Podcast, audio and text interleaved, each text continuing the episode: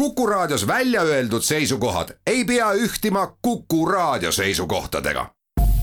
Te kuulate Kuku Raadiot. autotundi toetab Alexela. Alexela kodukaardiga kütus kuni miinus viis senti liitrilt.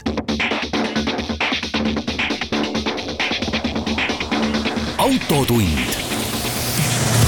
see on saade sulle, kui sul pole päris ükskõik, millise autoga sa sõidad tere kuulajad, Autotund on eetris, stuudios Tarmo Tähepõld Autogeeniuse portaalist ja saatekülalise kaassaatejuhina Karl-Erik Idasaar samuti Autogeeniuse portaalist. millest täna räägime? räägime, et noorklassikud kohtuvad, seda, et Goodwoodi festival isegi toimub, jälle mitu uut ja mõneti isegi päris huvitavat elektriauto uudist ja siis üks tõeline Ameerika auto uudis Fordilt Maserati teeb nii sportautosid kui ka, kuidas ma ütlen, ökomobiile. ja proovisõiduautode osas äh, on olnud äh, Karlil näiteks Honda Jazz hübriid, mitmeid kupee Mercedeseid ja tegelikult veel päris mitu autot siin viimase kuu aja jooksul. ja vaatame, kui mitu me neist läbi jõuame käia. nii, aga meie eelmine autonädal, kuidas siis läks? Mina olen tagasi oma puhkuselt ja kuulsin, et äh, Karl, sa oled omale vahepeal ühe uue auto ostnud. Äh, millega on tegu? täpselt nii, tekkis äh, vajadus uute rataste järgi ja kuna ma olen täpselt selline inimene, kes ei ole võimeline sõitma tavapärase ja normaalse ja mõistliku autoga, siis loomulikult ma läksin ja ostsin, ostsin omale seitsmesaja euro eest ühe vana tuhande üheksasaja kaheksakümne kaheksanda aasta Saab üheksasaja. Saab üheksasada see on nüüd see noh, ikka päris selline tankikujuline, ta on nagu võrdlemisi robustne, kas see on turbokas? ei ole, äh, ei ole, see on vabalt hingav mm. -hmm. ja kui vabalt ta siis hingab, et äh, mis tal seal kapoti all on mm,? Noh, natuke liiga vabalt, et tal on kaheliitrine seitsmekümne nelja kilovatine mootor passis karburaatoriga, et iseasi, palju seda jõudu seal tegelikult veel järgi on. aga ütleme, et linna vahel nagu otseselt jalgu ei jää jah, sellega. aga sõidab või on juba jätnud tee peale ka? Ei, sõidab täitsa ilusti, et äh, see rong on nagu väga hästi säilinud, et originaalraadio on ja asjad, et niisugune äh, mõnus retrokogemus, et töötab, et loomulikult, et mingid asjad kolisevad, nagisevad, et eks ta on niisugune odav auto ka, aga kurta tegelikult ei ole millegi üle. Ma just mõtlen, kui mina ostsin omale üheksasaja euro eest äh, Alfa Romeo, kuhu ma olen nüüd äh, küll pannud siin peaaegu kolm korda sama palju juba sisse erinevatel põhjustel ja mitte ootamatult, vaid ma tegelikult teadsin, et need kulutused tulevad, siis seitsmesaja eurone saab, see tähendab seda, et ta on kohe sõidukorras. ülevaatused, kõik asjad olid olemas? jah, ülevaatused kehtivad sügiseni ja põhimõtteliselt kalla ja talla et aga näed, et sügisel läheks uuesti läbi või kuidas näiteks roostega on või? põhimõtteliselt, et ust, uste ääres nagu natuke kobrutab, aga otseselt nagu ei ole vigagi. värv on tuhmunud ja põhi on ilus ja. no selge, nagu kuulete, seitsmesaja euro eest saab omale täiesti sõitva Saabi, mis on muuseas klassik ja haruldane auto, sellepärast et neid ju enam ei toodeta. minu autonädal möödus põhimõtteliselt ikkagi samas kohas, kus ma eelmine nädal olin, aga ma tahtsin teha paar täpsustust üks oli see, kui ma rääkisin eelmine nädal sellest Kreeka klassikaliste autode traagilisest olukorrast, siis ma külastasin ühte kohalikku klassikuklubi juhti ja, ja ta, ja ta tõi tegelikult ikkagi välja, et selle oma, kui sul on need klassikanumbrid, siis sa võid sõita pühapäeviti. et nii hull ei olnud, et kuigi ma hästi mässumeelsena arvasin, et ma osalesin illegaalsel klassikute kokkutulekul, siis selgus, et mul oli alguses valeinfo ja tegelikult oli tegemist täiesti legaalse sündmusega. Äh, kõik muu kehtib jah, et äh, kui muul ajal tahad sõita, siis äh, peab olema sul selle klassikaklubi mingi üritus ja, ja remonti võid ka sõita, aga muidu mitte. aga teine samuti asi, mida ma siin paar nädalat tagasi virisesin, oli see rendiautode teema. viisin nüüd oma rendiauto tagasi, ootan, et kõik minu deposiidid ka tagasi kantaks, hetkel tundub, et ühtegi probleemi ei olnud küll aga ma sain äh, ühe kogemuse, mis taas näitab, et mul pu-, puudub igasugune usaldus kogu selle businessi vastu. Äh, sõitsin siis Ateenast Riiasse, Riiga lennukiga ja ümberistumine, et saada Riiast Tallinnasse, oli seitse tundi. ja siis oled seal äh, perega, meid kokku neli tükki, hakkad arvutama, nii, me oleme põhimõtteliselt kümme tundi on vaja noh, koos lendude ja kõigega, järelikult me peame sööma. Riia lennujaama toitlustus on kallis, see-eest aga kehv. et lööd seal siis oma võimalikud kulud kokku ja mõtled, et aga võtaks rendiauto ja sõidaks hoopis Riia lennujaamast Tallinnasse. neli tundi sõitu, et ikkagi peaaegu kolm-neli tundi varem saab koju ja kulud enam-vähem samad. panin siis nendesse rendiauto taotlustesse, et ma tahan võtta Riiast auto ja drop-off point, seal saab kohe ekstra valida, ei ole sama koht, kust ma võtan, vaid ma jätan ta Tallinnasse. üks päev, kõik, väga head hinnad tulid. Tuli välja, et ma saan seitsmekümne euroga, ma saaksin niimoodi Riiast Tallinnasse supsata.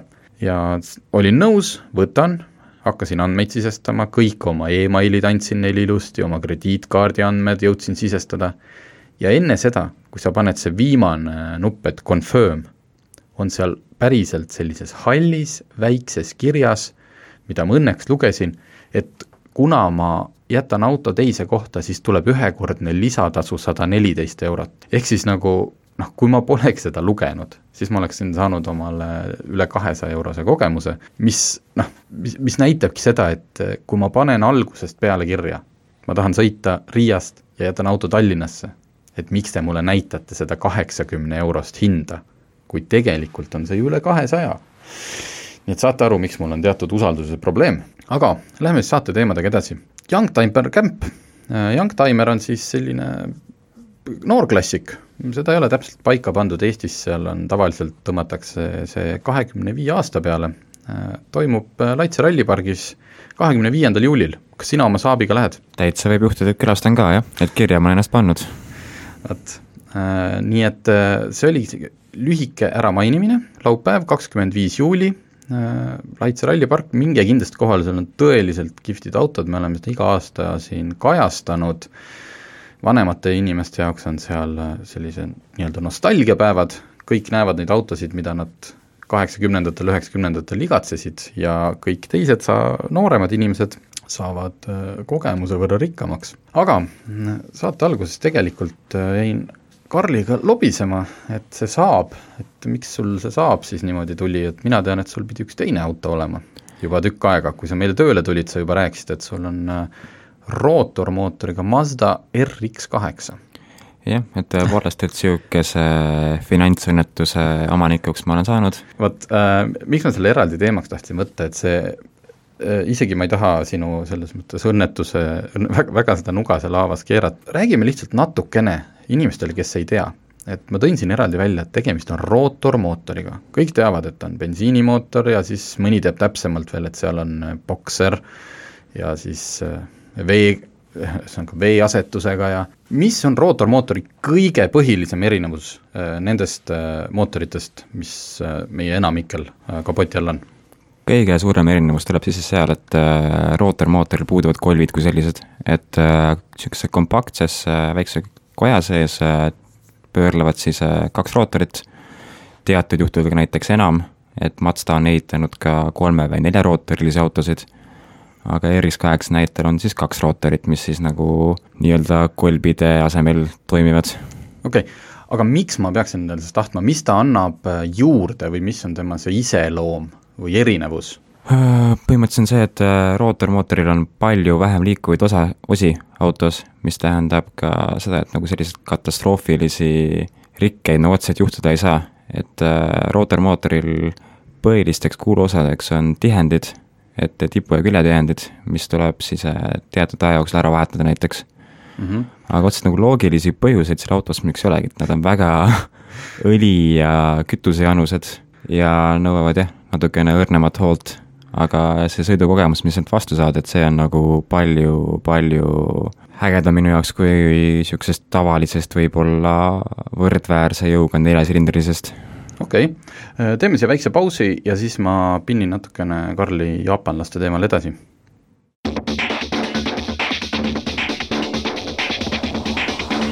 autotund see on saade sulle, kui sul pole päris ükskõik, millise autoga sa sõidad.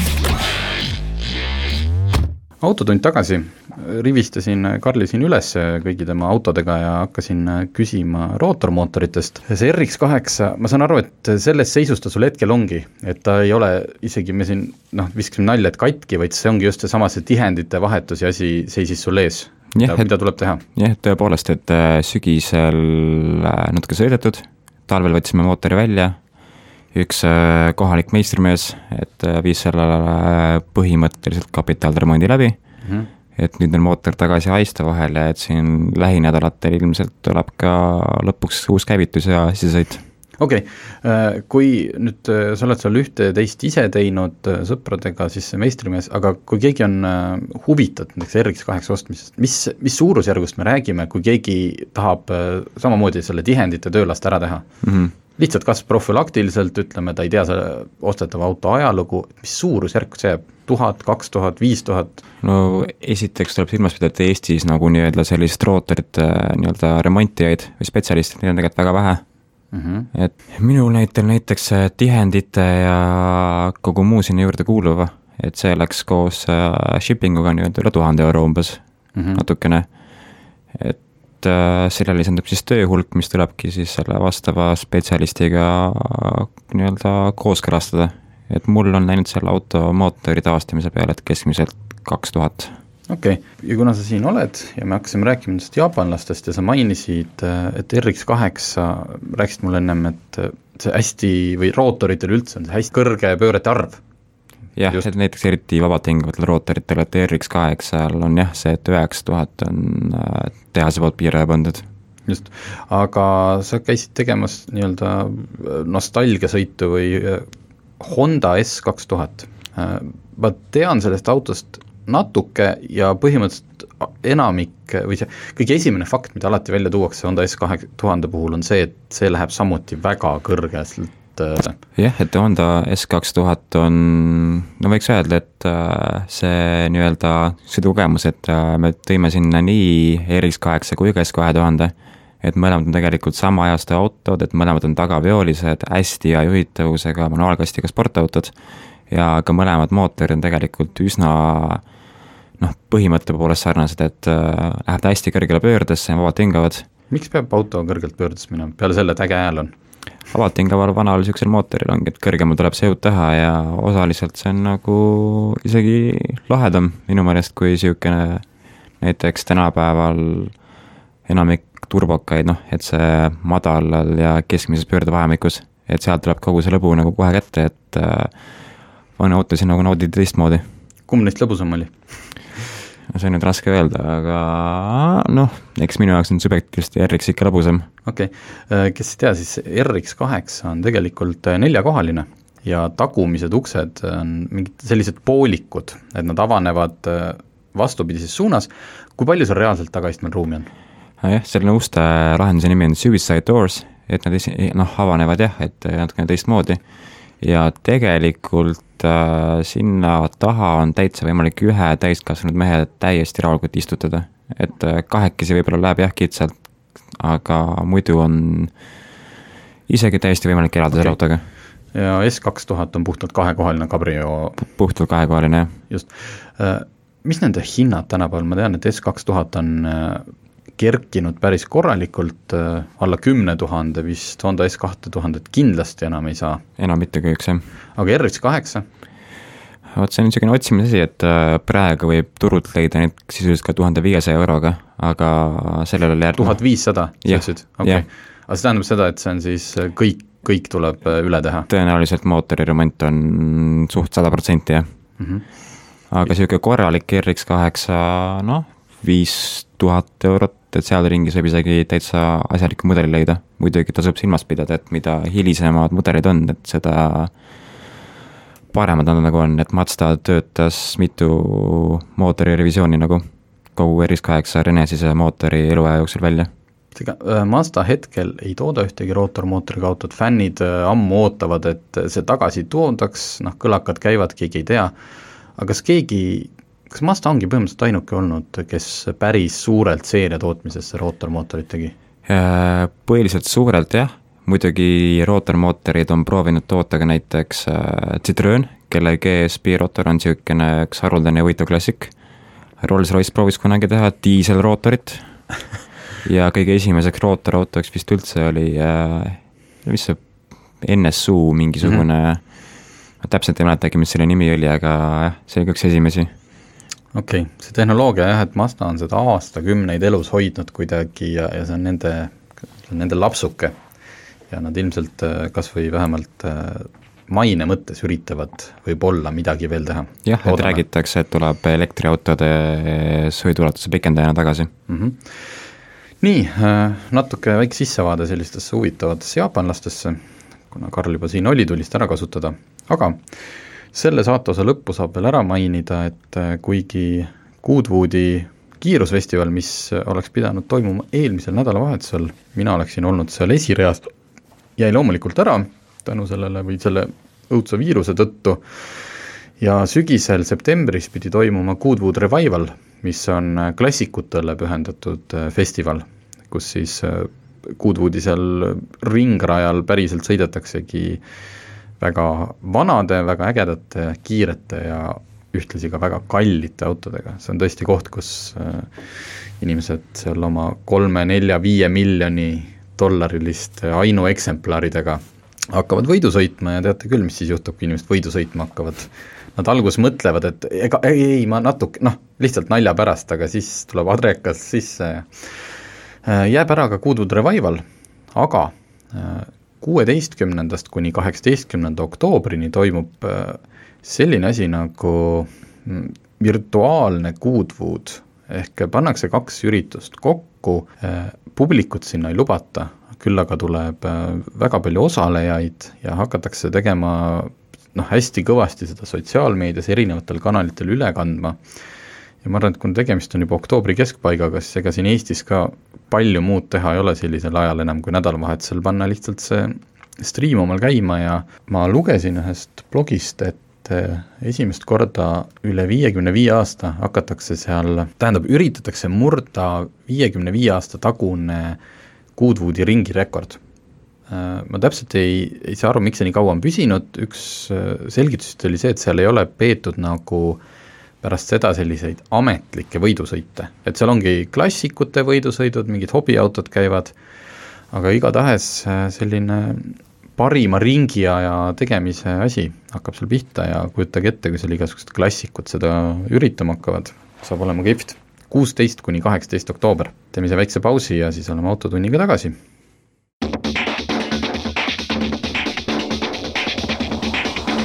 autotund see on saade sulle, kui sul pole päris ükskõik, millise autoga sa sõidad. autotund tagasi.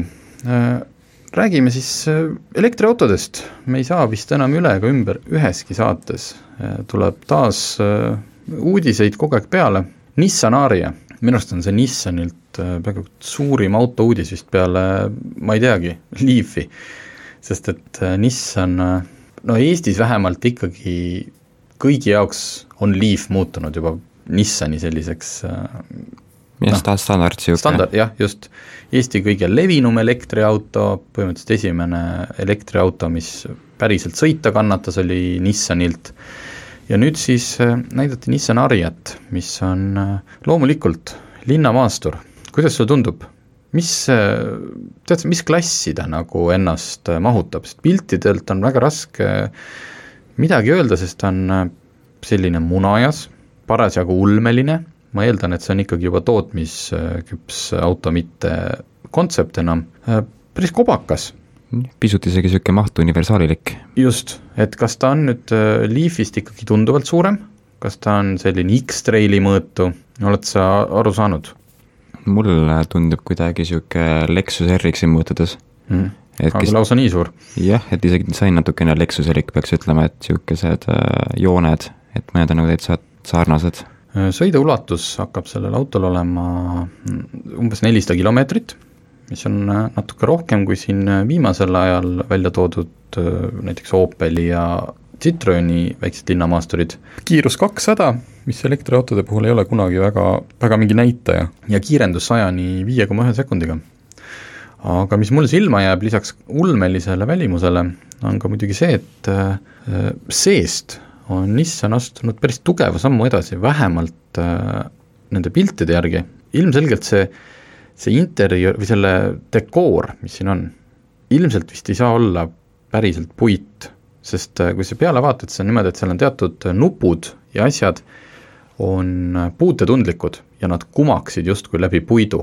just, hologramm. jah, hologramm, et sa vajutad seda kohta, kus siis peaks olema, see näeb stiilne välja, mulle väga meeldib puit auto interjööris ja ausalt öeldes ma ei, ma ei oska ka väga nagu vastu olla, kui see on tegelikult plastik, aga ta on suudetud teha nagu enam-vähem puidu moodi. igal juhul, kui mul on valida, kas puidu moodi plastik või tavaline plastik, siis ma, miks ta ei võiks siis juba olla ilus. baasmudel tuleb äh, kuuekümne viie kilovatise akupakiga, mis kiirendab seitsme koma viie sekundiga ja sõidab kolmsada kuuskümmend kilomeetrit, mul ennem jäi täpsustamata. ja tuleb ka suurema akusüsteemiga versioon, mille sõiduulatus on lausa viissada kilomeetrit, nii et valikut tuleb. Nis-, Leafi on ka vist praegult kahes versioonis. just, et see Leaf äh, vist oli pluss. ma ei tea, kuidas sulle tundub, kas see Aria saab sama populaarseks kui Leaf? mis hind, mis ta maksma võib hakata? vist ei ole veel avaldatud, aga niisugune neljakümne viie tuhande kandis, ma arvan, et tuleb ikka. okei okay,, et ta ei tule sinna sellesse kolmkümmend pluss, äh, kus hetkel nagu käib kõige kõvem, kõige yeah. kõvem konkurents jah, et Nissanil on siin hiljuti nagu üsna raske tead ka olnud, et see auto peaks märkima ka nende niisugust äh, tagasitulekut. ja mis kõige, tegelikult kõige märkimisväärsem on see, et Nissan on Aria puhul lõpuks loobunud nende, põhiliselt nende poolt kasutatavast sellest Shademo või Kademo äh, laadimisstandardist, see, mille järgi on ehitatud kogu Eesti praegune see Elmo laadimisvõrk, mis meil siin viis aastat tagasi tehti. Kõik teavad, et seal saab laadida neid Mitsubishi Mieve äh, ja Nissan Leaf'e ja kõik tänapäevased elektriautod kahjuks seda standardit ei söö, siis nüüd läheb Nissan Aria samuti üle CCS laadimisstandardile. Kunagi, kui ma rääkisin Nissani ühe arendusinimesega, kes siin Eestis käis, siis tema rääkis, et nad on hoidnud sellest Kademost kinni sellepärast, et Kademo standard võimaldab kahesuunalist nii-öelda seda elektri liikumist, ehk et auto suudab anda ka elektrit võrku vajadusel, et sa saad kasutada seda nii-öelda elektrivõrgu osana, aga et CCS-il tuleb samasugune standard aastal kaks tuhat kakskümmend viis. Nii et nüüd see on ilmselt kindel ja, ja Nissan on aru saanud, et äh, neil ei ole mõtet enam vastuvoolu ujuda selle Kademoga, sest äh, keegi ei taha seda. ja Nissani kõrval tuli ka teine elektriauto uudis, BMW, või mitte uudis, aga vist siis täiendus, sest et seda, et BMW teeb elektrist linnamaasturit iX3, me teame juba ammu, nüüd siis äh, anti midagi täpsemat teada, kas see on Aria konkurent? suuruse poolest ma arvan, et täitsa isegi natuke küll, jah. Äh, sõideulatust äh, lubatakse VLTP alusel lausa nelisada kuuskümmend kilomeetrit, mis jah, jah, kui seal Arial oli ka oli üks versioon ju kuni viissada, BMW X5 on päris raske, või X5, iX3, näed, nii kui kuuled sõna BMW, siis kohe aju ütleb X5 peaaegu kaks tuhat kakssada kilo ja kiirendus on kuus koma kaheksa sekundit. ehk siis äh, BMW ei lähe selle i X3-ga seda sellist äh, sportelektriautode teed, et äh, põhiline oleks ikkagi Teslale ära nähvata. Vaid selline mõistlik äh, kulgur. millal see müüki jõuab, seda noh, ta peaks kiiresti tulema, on räägitud, et see aasta, kuidas kogu see Covid nüüd seda mõjutas, raske öelda, aga loodetavasti ta siis jõuab, aa, siin on öeldud, esimesed elektrilist linnamaasturid peaksid omanikeni jõudma tuleva aasta märtsis. nii et jääme siis ootama, loodetavasti jõuavad ka. veel, Ford ja vahelduseks mitte elektriauto uudis, vaid maasturi uudis ja päris maasturi uudis. väga pikalt oodatud ja samamoodi näidatud, vihjatud igasugust varjatud fotodel Ford Bronco. Eestis ei ole see väga tuntud mudel, Ameerikas väga legendaarne selline suur korralik päris maastur. et kas sa oled Eestis üldse kunagi mõnda Broncot näinud? Äh, vanemaid mudeleid Need klassikaid, üksikuid ikka olen näinud jah, aga sellega asi piirdub.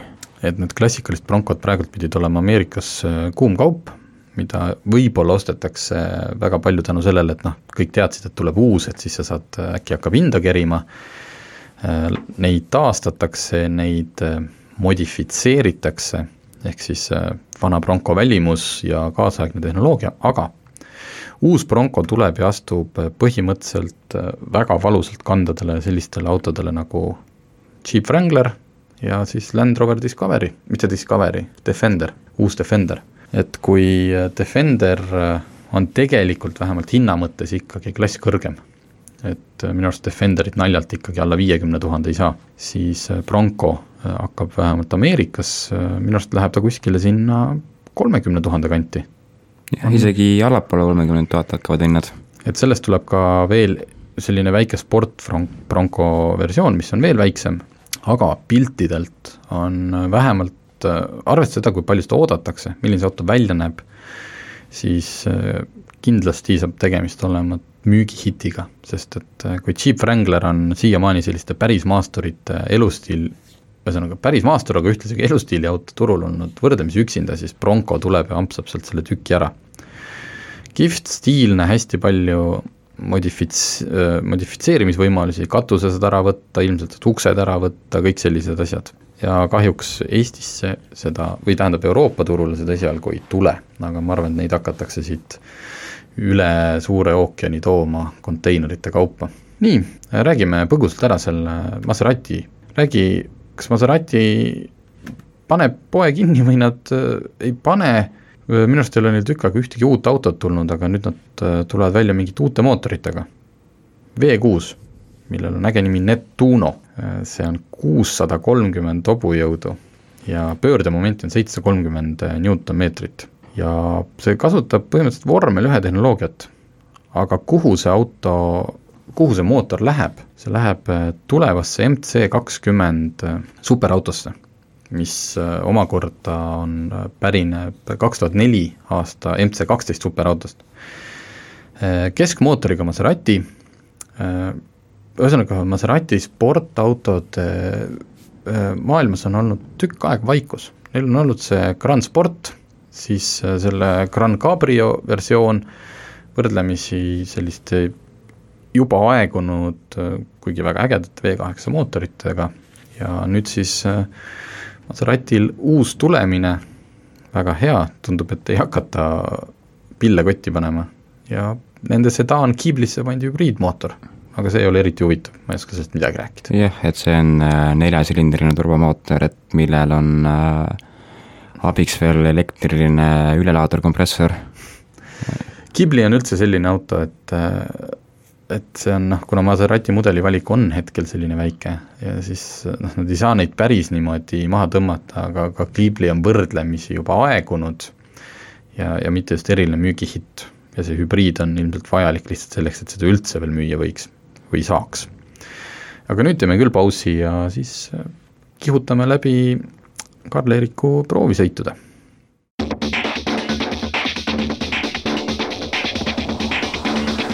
Autotund. see on saade sulle, kui sul pole päris ükskõik, millise autoga sa sõidad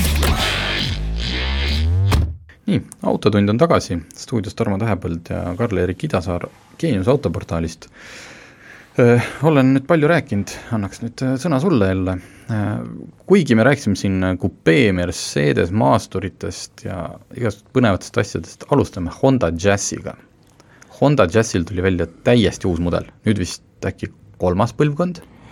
jah, et äh, tegu oli selle aasta ühe kõige üllatuste rohkema proovisõiduga, et äh, jaapanlased on tõesti vaeva näinud, et niisuguse äh, väikesesse autosse on pakitud ikka hulgaliselt nutikaid ja efektiivseid lahendusi. et äh, Jazz Hybrid on nagu huvitav just selle poolest, et äh, keskmine kulu oli tõepoolest, et jääb kusagil sinna kahe-kolme liitri sajale kanti. tegemist on bensiinimootoriga, eks ju? Äh, Teg-, tegelikult on elektriauto, mis kasutab bensiinimootorit nagu üsna efektiivselt mm. -hmm. üsna harva har. harva jah, et Honda Jazzil on tegelikult nüüd äh, kolm mootorit, et tal on äh, üks äh, ühe koma viie liitrine Atkinsoni tsükliga bensukas, mis toimib ja siis tal on generaator on toimiv elektrimootor ning veo eesmärkidega elektrimootor ja põhimõtteliselt kõiki kolme kombineerides, et äh, võib niimoodi teha, et paned kuu alguses paagi täis ja et kui sa oled niisugune vähenõudlik inimene, et siis ma arvan, et sa võid rahulikult siin linna vahel kuu, kuu-poolteist sõita niimoodi, et äh, tanklaid külastama ei pea. see on äh, päris tugev müügiargument.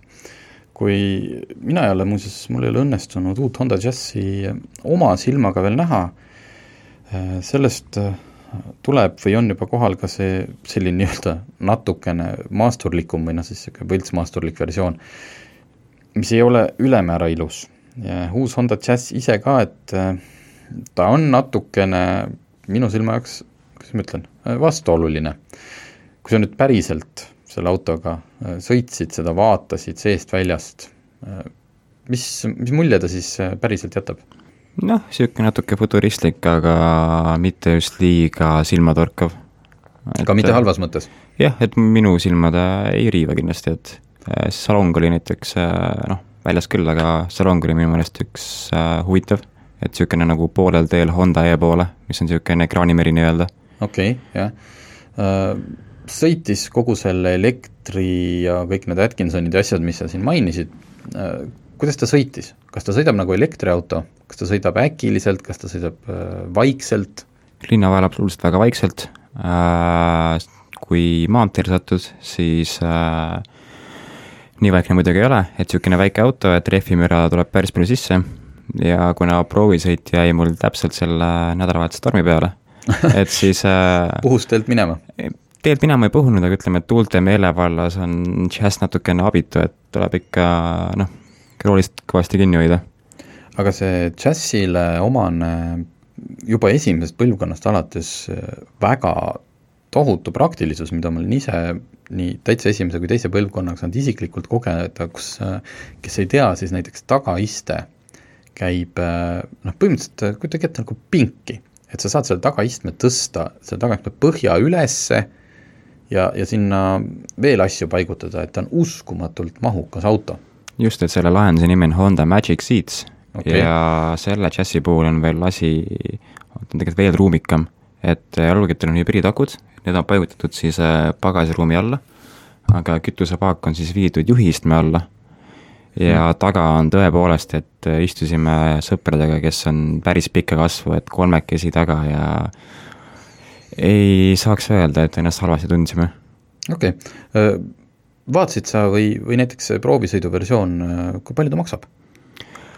baashind hakkab kahekümnest tuhandest eurost ja prooviauto koos kõikide tulede ja viledega, et ta jääb sinna kahekümne nelja kuni kahekümne viie tuhande kanti, mis on muidugi niisuguse väikese auto kohta jah, vaieldav võib-olla üsna kallis, aga samas äh, igapäevased äh, kulud kindlasti kompenseerivad selle ja ühtlasi puuduvad ka selle hübriidiga siis niisugused äh, pistikhübriididega seotud tüütused nii-öelda, et noh no, laadimine, laadimine ja jah, et väga efektiivne auto igal juhul, et noh, ja nii palju, kui vähemalt esimene, teine põlvkond näitab, siis on Jazz olnud ka väga vastupidav auto ja, ja järelturul tegelikult hoiab päris hästi hinda, nii et see võib sealt kes väga armastab arvutada, arvutab võib-olla isegi välja, et see kakskümmend neli tuhat selle väikse džässi eest ei olegi lõppkokkuvõttes väga palju.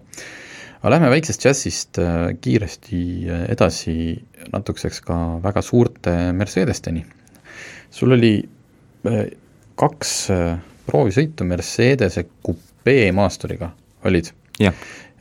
ärge nüüd üldse tundke ennast halvasti, kui teil kõik need GLE-d ja GLC-d ja kupeed sassi lähevad, sest minul lähevad ka aga sisuliselt on tegemist natuke suurema kupeemaasturiga, kupeemaastur tähendab siis ikkagi nelja ust, aga see langev katuse tagaosa, tänapäeval väga populaarne. ja natuke väiksemaga, mis oli GLC. Mille poolest nad erinesid, nagu üks oli, üks oli bensukas ja teine oli hübriid, ei? üks oli bensiinhübriid ja teine oli siis diiselmootoriga. puhas diiselmootor? just. Puhtalt, kuidas ma ütlen, subjektiivne sinu arvamus, et kumba sa eelistad, jätame hinnad kõik, kõik kõrvale, lihtsalt puhtalt jõuallikas. vajutasid ühega, vajutasid teisega, kumb oli mõnusam? mulle endale meeldis GLC rohkem. GLC oli siis plug-, see pistikhübriid? jah, et äh, kas juba, tegelikult äh, mõlemaga sai ette võetud niisugused pikemad reisid, et mõlemal, mõlemal nagu praktilisus sai ikka ülemäära kasutatud, et mm -hmm. GLC puhul, et pakkisime auto väsinud äh, ülikooli tudengeid täis ja nende varustust ja GLE-ga näiteks vedasin ma päris suurt ja lahmakat mootorikraanat okay.. et äh, kupe Masteriga on täiesti võimalik nagu niisuguse asja korda saata. aga GLC iseenesest oli nagu väiksem, et äh, salong on ka, et meie Ersudel on praegu tõesti salongides hea aeg, et äh, väga hea koht, kus olla, et mõlemad sõidavad muidugi nagu Mercedes ikka, et nagu unistus mm. -hmm. aga GLC on nagu igapäevaseks kasutuseks, et äh, juba suuruse poolest, et GLE on, et noh, ta on ikkagi üsna massiivne jah, et äh, kui saaks hakata niimoodi komplekteerima unistuste autot, siis tõesti, et kogu selle salongi asja võiks küll võtta Mercedeselt ja siis hakata seda laduma kuskile võib-olla mõne teise auto kerre, aga see GLE ehk siis see suurem ja diisel, äh, kui, kui võimas ta siis oli? tegu oli siis Mersu hetkel kõige võimsama diiselmootoriga üldse, mis kunagi tehtud on, et ta oli vist seal kuskil kakssada nelikümmend kilovatti, et sinnakanti jäi. ja oli aru saada, et diisel või ei olnud enam? Äh, kusjuures enam nagu väga jah, et mida aeg edasi, seda nagu rohkem see piir hägustab, vähemalt niisuguse sõidutunde poolest, et äh, vana diiselautoga tuleb ikka see klekk-klekk-klekk-klekk hääl, on ju, aga niisuguse uuemaga, et äh, tegelikult üldse uutel autodel, et nad ei tee enam nagu niisugust traktori häält. ja mis Mersul on see, et neil on nüüd rida kuus diislid mm, -hmm. mis on siis muidugi äärmiselt nagu vibratsioonivabad, et hästi sujuvalt lähevad edasi, et nagu ei tekigi nagu erilist noh, sihukese auto puhul nagu vajadust või nagu tahtmist, et kas mul ikka on bensiinimootorit vaja. Äh, puhtalt, äh, kui me võtame nüüd enam-vähem kaks sama klassi autot, ma tean, et sul oli see nädalavahetus, kus me praegult siin äh, oma saadet teeme, Alfa Romeo Stelvio Veloce, mis on küll bensiinimootoriga, aga, aga kui sa nüüd istud, Stelvio Veloce peaks olema põhimõtteliselt sama klassi auto, mis siis GLC. eks ju kui sa nüüd istuks ühest teise, siis tagasi, et, et kas Mersu on ikkagi äh, klassi võrra kogu oma sellelt äh, olemuselt, see, mis sa näed ja katsud Stelviost, äh, Alfa Romeost, kuskil eemal või ei ole, et kas see, kas see saksa kolmik on jätkuvalt teistest nagu kuidagi eespool või? Mõne üksiku lahenduse poolest on Mersu kindlasti ees, aga üldjoontes tegelikult, et see, need trepiastmeid seal vahel on ikka noh, vähe. vaikus, kõik see, kõik jah, need ergonoomika. mõlemad noh, jah, mõlemad on vaiksed, hästi mugavad, et ergonoomilised, mõlemad sõidavad väga kenasti, et äh, Mirsu puhul see põhiline vahe, mis ma võib-olla tookski sisse alfaga, on infosüsteem mm, -hmm. mis on noh, arenenud. ikka päris, jah ja., jah, ikka päris, päris kaugelt ees, kuigi alfa just sai selle infosüsteemi uuenduse. no selge, saate aeg on kahjuks läbi, aga mul on väga kahju väga kahju kõikidest inimestest, kes on äh, tänasel päeval põhimõtteliselt otsustanud, et neil on vaja ühte linnamaasturit. sellist suurt, võib-olla, võib-olla noh, ühesõnaga mis iganes otstarbeks, see valik, see on lihtsalt nii tohutult jõhkralt suureks läinud, igas hinnaklassis. et sul on äh, nagu kõik erinevad mootorid, sul on kõik erinevad keretüübid, ehk siis sa pead veel otsustama, kas tahad kupeekerega GLE-d või tavalise kere GLE-d ja siis sa näed seal kõrval veel GLC-d ja siis tuleb sealt, ühesõnaga oi-oi-oi, kui raske on see inimese elu praegult, aga võib-olla on järgmine nädal juba kergem ja äh, kohtume siis, aitäh!